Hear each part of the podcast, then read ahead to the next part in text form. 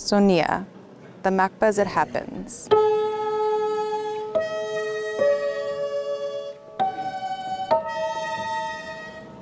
In the early 70s, Silvia Federici was one of the co founders of the International Feminist Collective, the organisation that launched the Wages for Housework campaign and the debate on working conditions and pay for work in the home. In the 90s, after a period of teaching and research in Nigeria, she was active in the anti globalization movement and the US anti death penalty movement. Federici is a member of the Midnight Notes Collective and one of the co founders of the Committee for Academic Freedom in Africa, an organisation dedicated to generating support for the struggles of students and teachers in Africa against the structural adjustments of African economies and educational systems. From 1987 to 2005, she taught international studies, women's studies, and political philosophy courses at Hofstra University in New York. Sonia talked to Silvia Federici about new models of communalism and of revalorization of reproductive work that allow us to confront the debacle of the capitalist system. The Nigerian Experience, 1984 to 1986. The experience I had in Nigeria, where I was in the period between 1984 and the end of 1986, was an extremely important experience, not only because this was my first time I was in Africa, my first contact with an African country, African culture, and also with uh, the legacies, the consequences of decades of colonization. But because I arrived in Nigeria and lived there at a very crucial moment in the political situation of the country, and also political situation of the African continent.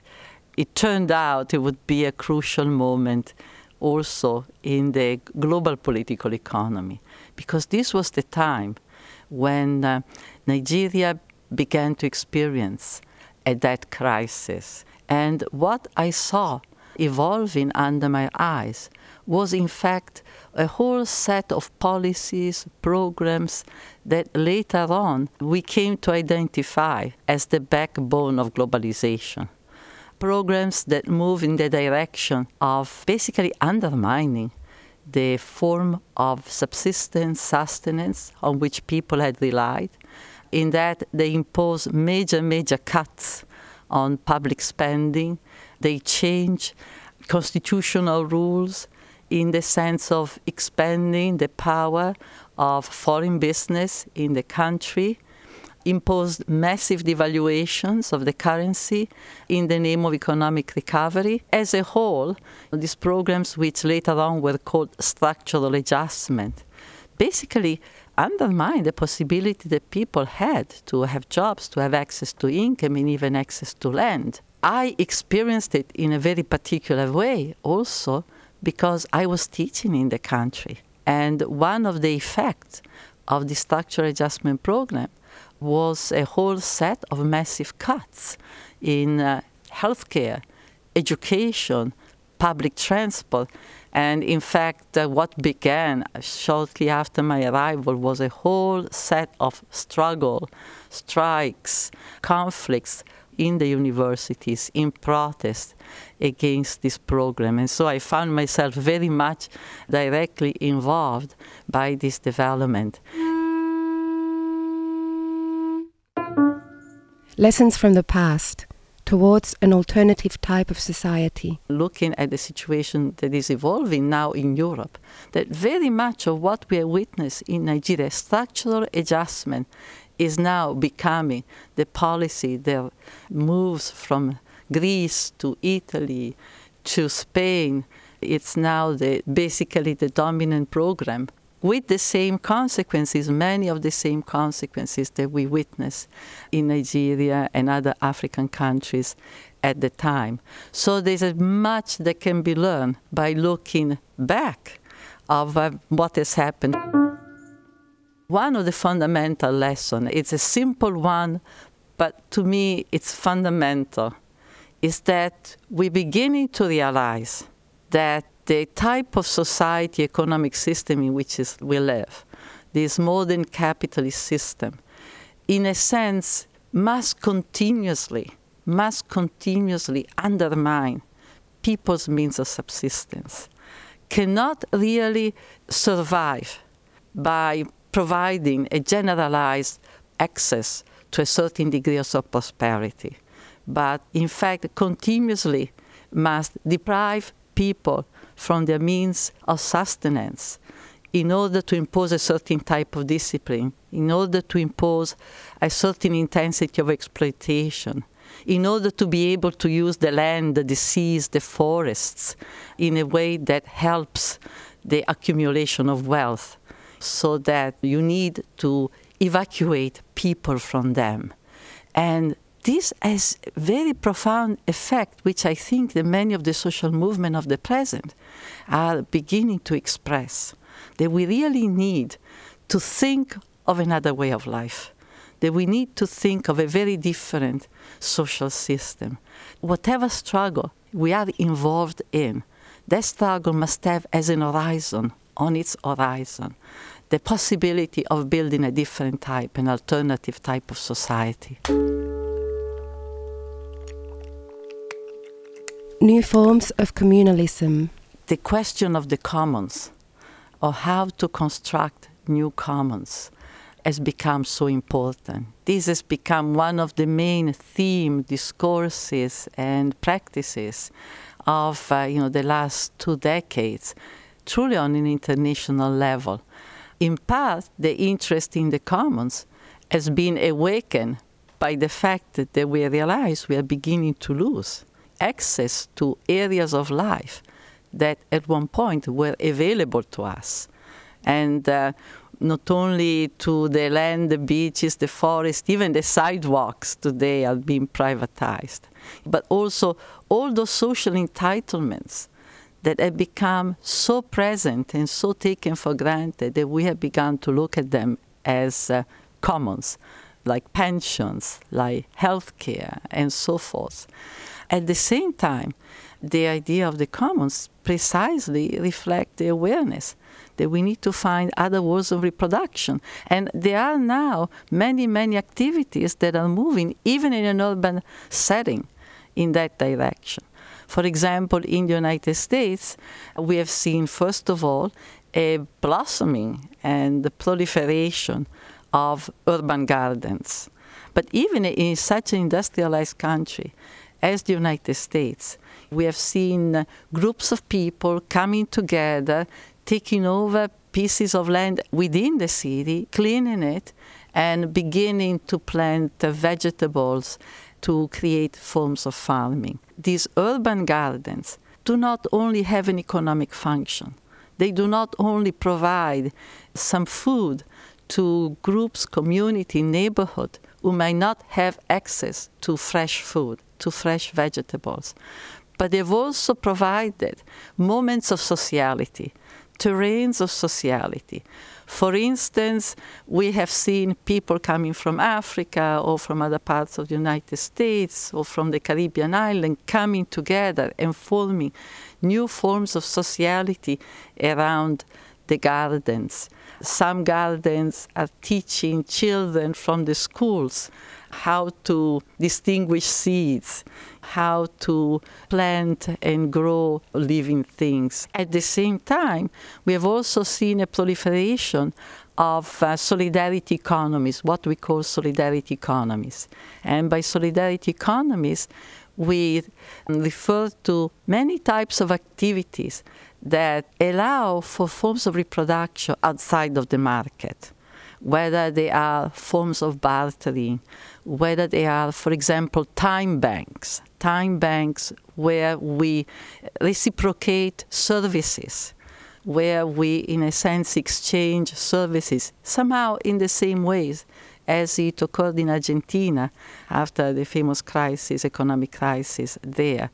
We have also seen the attempt to create commons of knowledge commons of knowledge, by commons of knowledge, we refer to activities that uh, produce knowledge, but in a self managed way. Produce knowledge starting from the need that the people have, to learn about their experience. And with the awareness that less and less the institution, the schooling institution, whether it is secondary school or it is the university, are capable of that function. Precisely because of the kind of commercialization, precisely because we now have education institutions that more and more are run along the line of an enterprise. And so we need, in a way, to create autonomous spaces, autonomous areas in which we produce knowledge according to very different criteria, according to what we need to learn, you know, for our lives, for our reproduction, for to reconnect with our history.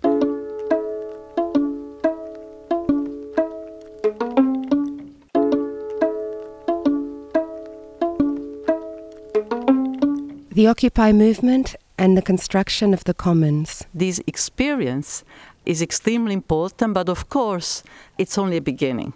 And the question for us is how we connect these different activities, how we begin to think them together so they can actually empower each other. And I have to say that the Occupy movement that has uh, developed over the last year, basically inspired by the movement of the squares from Spain and from Egypt, from Tunisia, has been a great experiment in the construction of the commons because, first of all, it has brought people together. It has brought a lot of people together who had more or less begun to conceive of political work as being all day in front of the computer and uh, communicating virtually, electronically. And instead, the Occupy movement has been the rediscovery of the body, the importance of that body to body, face to face communication, and the kind of exchanges that become possible in the second place, the Occupy movement has also begun to place the issue of reproduction at the center of the question of political work and the construction of the commons. Because reproduction, learning how to deal with our day to day life, whether it is producing food, whether it is producing knowledge, whether it is learning how to clean our environment and create an environment in which everybody is comfortable and is not devastated. It's really the foundation. It's the foundation of the creation of any other society and the foundation of the process by which we learn how to govern ourselves. Beyond the wage system. I certainly believe that now clearly we are still depending on a monetary economy because we do not have yet you know the means to support ourselves. And consequently we cannot say well i don't care about wage labor and so forth. But i am also convinced that in the long term we have to really think beyond the wage system because the wage system is a system that the wages being a whole way of organizing society and organizing it in a way that is extremely discriminating. One of the works and the great learnings that I have acquired in my political work as a feminist has been precisely to understand the political functioning of the wage as a way of organizing a mechanism of exclusion, mechanism of differentiation. For example, or the whole set of hierarchies that now regulate the relationship between the waged and the unwaged. And in that process, hide tremendous amount and terrains of exploitation as, for example, the exploitation of women's unpaid labor in the home. The wage is something much more than some money representing a certain amount of commodities and so forth. The wage is a particular way, extremely hierarchizing and discriminating of organizing society. So I think that we have, in the long term, go beyond the wage. But even now, I think it's very important that when we struggle on the terrain of the wage and wage relation, it is very, very important that we take a perspective and that we move within an horizon that does not confirm and does not deepen the division that the wage has created. Wages for housework. The campaign for wages for housework was motivated by the type of analysis that we had about the roots of women's exploitation, women's oppression, sexual discrimination that I referred to before. Many feminists believed, maybe following the socialist tradition, that women are in a position of lesser power than men in capitalism because they've been excluded from socially necessary labor, because men do a work which is productive, women. We took a very different position. Our argument was so called women work is actually work that is foundational in capitalist society, in that it reproduces labor power, the workforce, on a day to day basis and on a generational basis. And that the reason why women are discriminated is because their work has been seen not as work and has been devalued and has been unwaged. And of course, by devaluing reproductive work, you devalue the worker. You lower the cost of reproduction. You cheapen the cost of buying labor. And the women, the making of this work invisible, the presenting of this work as a personal service, has served, in fact, the function of the cheapening of the production of labor. So, for us, the demand for wages for household had many, many functions. One first function was to uncover this terrain of exploitation, was in a sense to make clear that what was taking place in the home, in the kitchen, around reproductive work, domestic work, was in fact a production, a process of production. And this process of production was really the beginning of all the assembly line running through the social factory.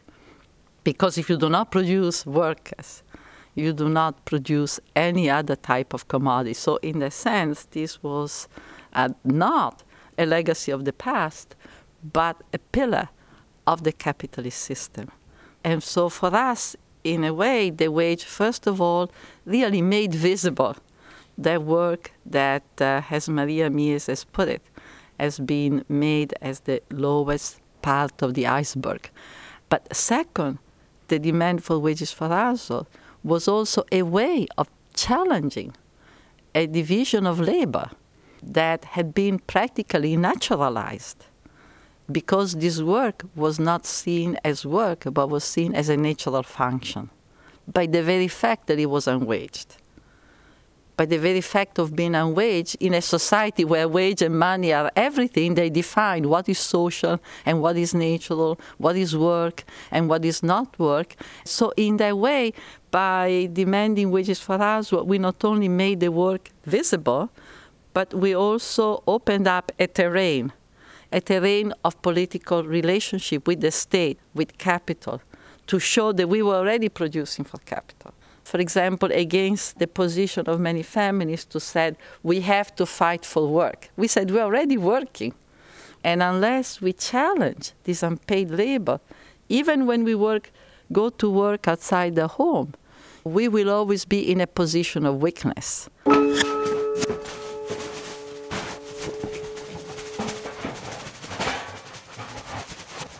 And of course, this was very important in terms of reclaiming autonomy, at least autonomy from men.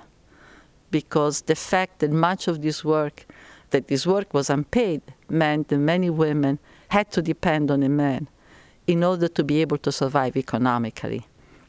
And in fact, this was the basis for you know the feminist claim that marriage in many cases is a form of prostitution because you marry marry is an economic settlement. If you don't find a job or in many cases you marry as a, an economic solution. Revalorization of reproductive work. The struggle must go on. In many ways uh, that approach is still important today because what we have seen in the three decades that have intervened since the, really the peak of the women's movement. We have seen that a lot of women, at least uh, in Europe, in the US, have taken wage job.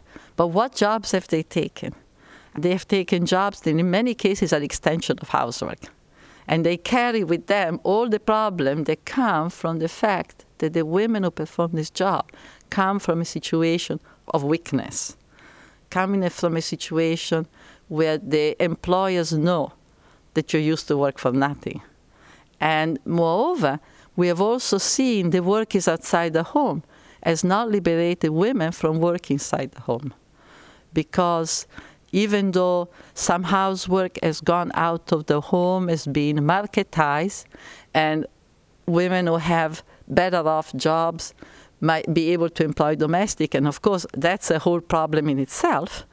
But for the majority, you have two jobs the majority of women now lives on the verge of a constant crisis with no time for themselves with no time for doing some political work and to improve their situation women today i speak for the united states have the highest level of depression depression anxiety fear the largest consumer of antidepressant and uh, all kinds of other pills millions and millions of pills people women in particular go from day to day anesthetizing, numbing themselves to their pain.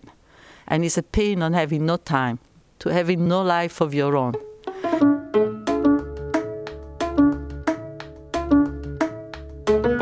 And what we are seeing with the crisis is that this situation is even deteriorating because we now see in all the public institutions cuts taking place that are throwing back into the home large quotas of unpaid labor. For example, the reforms of hospital work that has taken place over the years since the early 90s in the US has really thrown back into the home a lot of work. Now, when you have some uh, surgery or illness, you are sent back in the home almost immediately after surgery. And uh, family member, which mean mostly women, are the one who are expected to do all kinds of jobs that in the past were done by nurses. Women are expected to do all kinds of unpaid labor and to absorb, you know, the cuts that are being made in social services, whether it is cuts to childcare or to assistance to the elderly or cuts having to do with healthcare. And uh, in that sense, I think that the question of making the state relinquish wealth that they have appropriated from us so that it can be placed at the service of reproduction rather than at the service of wars, at the service of prisons, as it is today, where every school that is closed down is another prison. The money moves directly to build another prison. We have to say no we have to say no. Revolution at Point Zero. The Point Zero title, first of all, refers directly to a book by the Egyptian feminist writer Nawal Saadawi. She wrote a book in the early 80s called uh, Woman at Point Zero, which is a fantastic book. If um, your audience has not read it, I would encourage them to, I know it is translated into Spanish, as it is in many, many other languages. And I would encourage everybody who hears me speak now to go and read it. I've used it in many classes. I always tell my students, you will see, you will not be able to put it down. In that book, Nawal Saadawi portrays the story of a woman in Egypt, a peasant woman, who basically, through a number of experiences that confront her with the patriarchalism of the society and with the difficulty of breaking through this patriarchal cage, as in a last act of rebellion, decides not only in a confrontation with a man, a pimp who tries to exploit her, uh, she kills him, but decide not to ask for mercy, not to use an argument of self defense, and to go to the place of execution. And of course, it is a very symbolic ending and a very symbolic gesture in the way Nawal Saadawi recounts it. It's symbolic because it's a way of asserting that the society has to be changed. It's an act that appears as a defeat, but is actually an act of refusal. You know, refusal to compromise, refusal to accept. I've used it because Woman at Point Zero means the moment in which you confront the naked truth, the moment in which you realize that you have to build, rebuild from the ground. And in that sense, all this reflection on reproduction that I've made over the years through the course of different struggles and relations with movements and so forth that are the subject of this book, they've made me realize that the question of reproduction is the ground zero, is the ground from which we have to rebuild. No political movement can be self reproducing, self expanding, that does not, in a sense, begins to confront immediately the problem posed by our day to day life, how we reproduce ourselves, how we relate uh, to other people, uh, children, family, friends, how do we take care of the food that we eat so it does not poison us. How do we live? How do we organize our homes, the space in which we live, so that our homes do not become cages for us, but they are open to many possibility of communication with the neighborhood?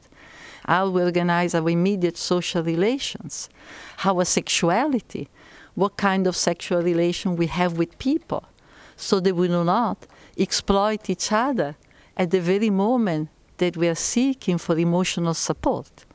So, to me, and in my own life experience, in the relationship with other women and other men, I always found that the most profound insights and knowledges have come from reflection and practices on this terrain.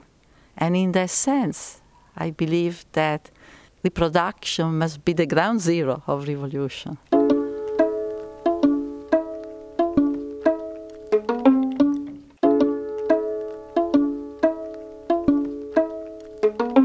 macba.cat